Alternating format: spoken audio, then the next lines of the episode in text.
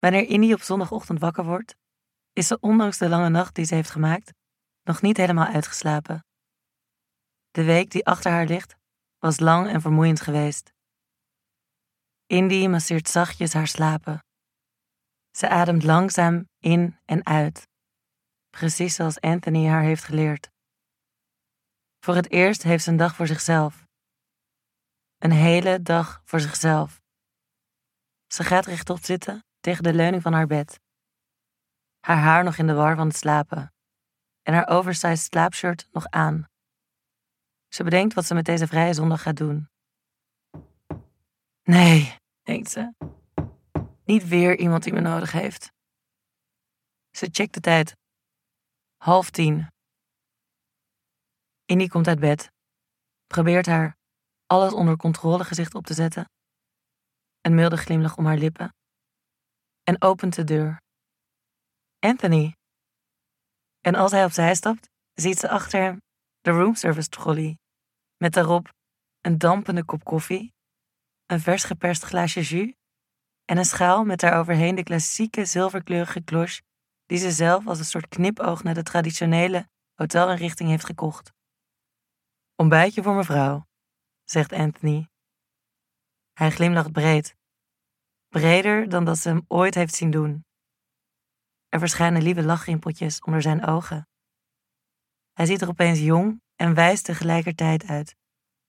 Indy stapt verrast naar achter. Anthony, zegt ze zachtjes. Ze heeft de neiging een hand door haar haar te halen of het slaapshirt naar beneden te trekken. Ze voelt zich plotseling kwetsbaar onder zijn blik.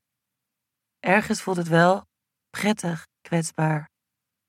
Ze slaat haar ogen weer naar hem op en zegt: Oh, Anthony, hier was ik precies aan toe. Wat heerlijk. Kom binnen. Haar eigen woonruimte is bijna identiek aan de hotelkamers op de verdieping eronder. Ze heeft een deur tussen twee kamers in laten plaatsen, waardoor ze nu een woon- en een slaapkamer heeft.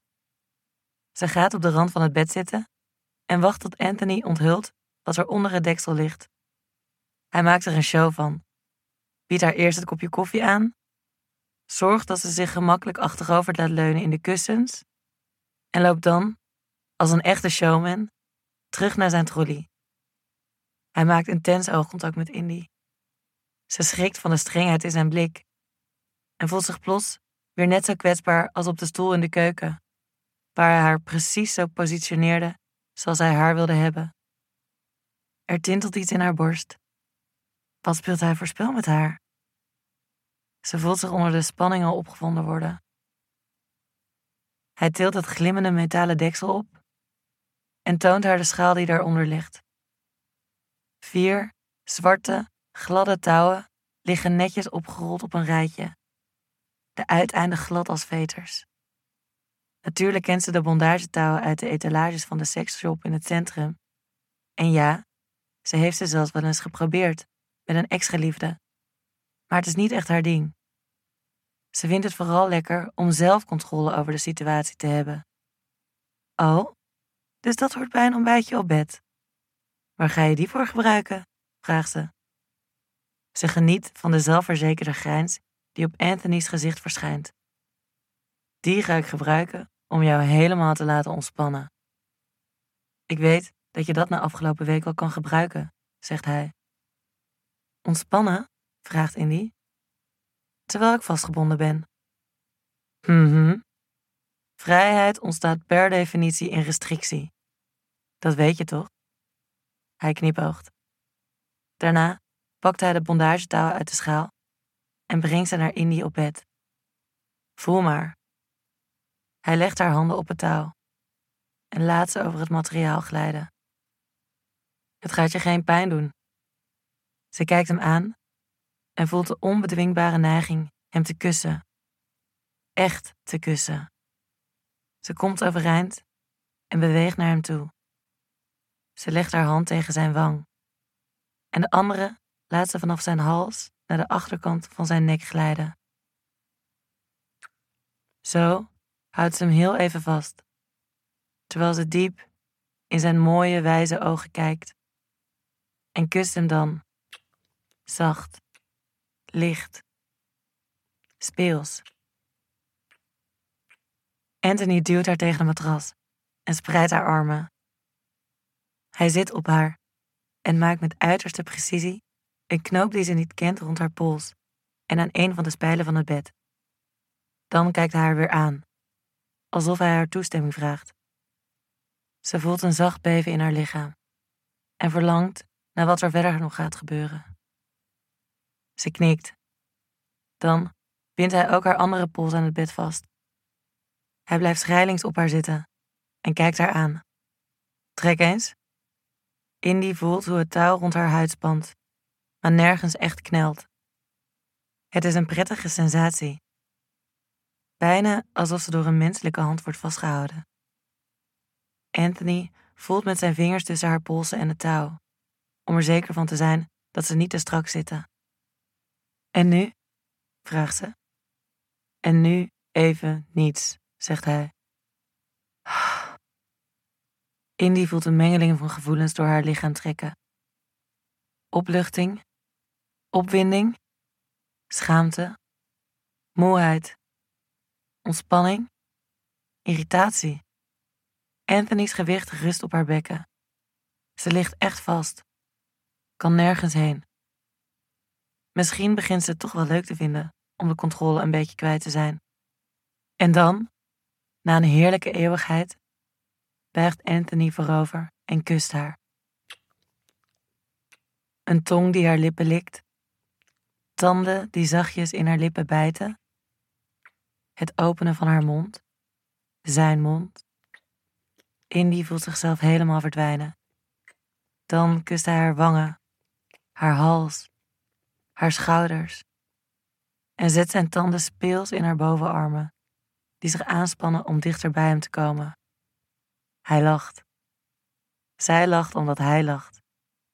Zijn lippen dalen af, van haar armen naar haar borst, waar hij haar oversized shirt omhoog trekt en heel even met zijn tong rond haar tepel cirkelt en dan verder afdaalt. Een spoor van kussen over haar buik trekt en dan zijn mond tegen haar slipje duwt en haar een paar keer door de stof heen likt. Zijn grote handen volgen de welvingen van haar lichaam en verwarmen haar. Zijn beide handen omvatten haar billen. Indy wil niets liever dan dat Anthony haar slipje uittrekt. Zijn tong tegen haar blote huid duwt. Ze voelt hoe haar vulva gloeit, bijna schrijnt onder het verlangen naar zijn aanraking. En toch weet ze beter dan erom te vragen. Ze heeft inmiddels wel door dat het spel volgens zijn regels gespeeld wordt. Dan hoort ze plots het herkenbare gezoem van haar eigen bullet vibrator. Ik dacht, ik kijk even wat er in je eigen nachtkastje ligt. Hier kan ik wel wat mee, zegt Anthony. Hij komt weer boven haar hangen. Hij kijkt haar streng aan, maar om zijn lippen speelt een glimlach. Ogen dicht, gaat hij verder. Als je durft te vertrouwen op het donker, ben je pas echt vrij. Indy sluit haar ogen en haalt nog een keer diep adem. Op haar uitademing voelt ze de trillende vibrator tegen de binnenkant van haar dijen. Anthony verschuift het apparaatje langzaam, maar trefzeker richting haar lippen. Ze voelt hoe de spanning die zich de hele ochtend in haar lijf heeft opgebouwd, wil exploderen. Ze kronkelt bijna onder zijn aanraking. Hij houdt de gladde punt van de bullet tegen haar klitje. En ze voelt het vertrouwde tintelen in haar onderbuik uitvloeien, naar haar hele vulva, haar clitoris, tot er een haast pulserend samentrekken in haar vagina begint. Als ze volledig geopend is, duwt Anthony het speeltje bij haar naar binnen.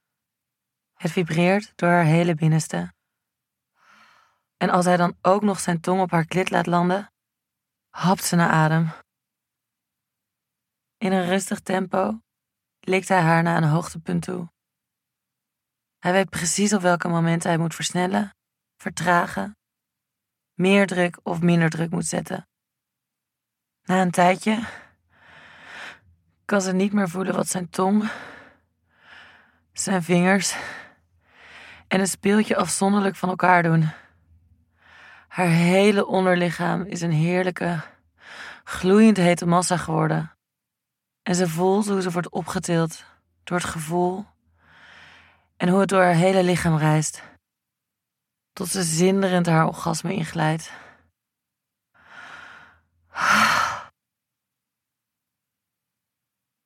Indy komt op adem en vraagt opnieuw: En nu? Nu maak ik je los, zegt Anthony. En laat je verder helemaal vrij vandaag. De serie Hotel Delight is een productie van erotisch audioplatform Rouse. Wakker je fantasie aan en luister of lees de verhalen op www.rouse.me. Deze serie kwam tot stand in samenwerking met Easy Toys.